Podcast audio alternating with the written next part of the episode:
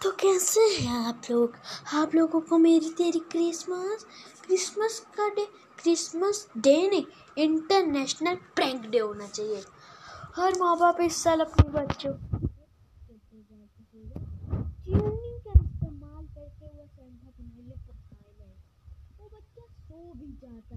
उससे पता है उससे पता है उसके घर में चिन्नी नाम की तो कोई चीज़ ही नहीं है।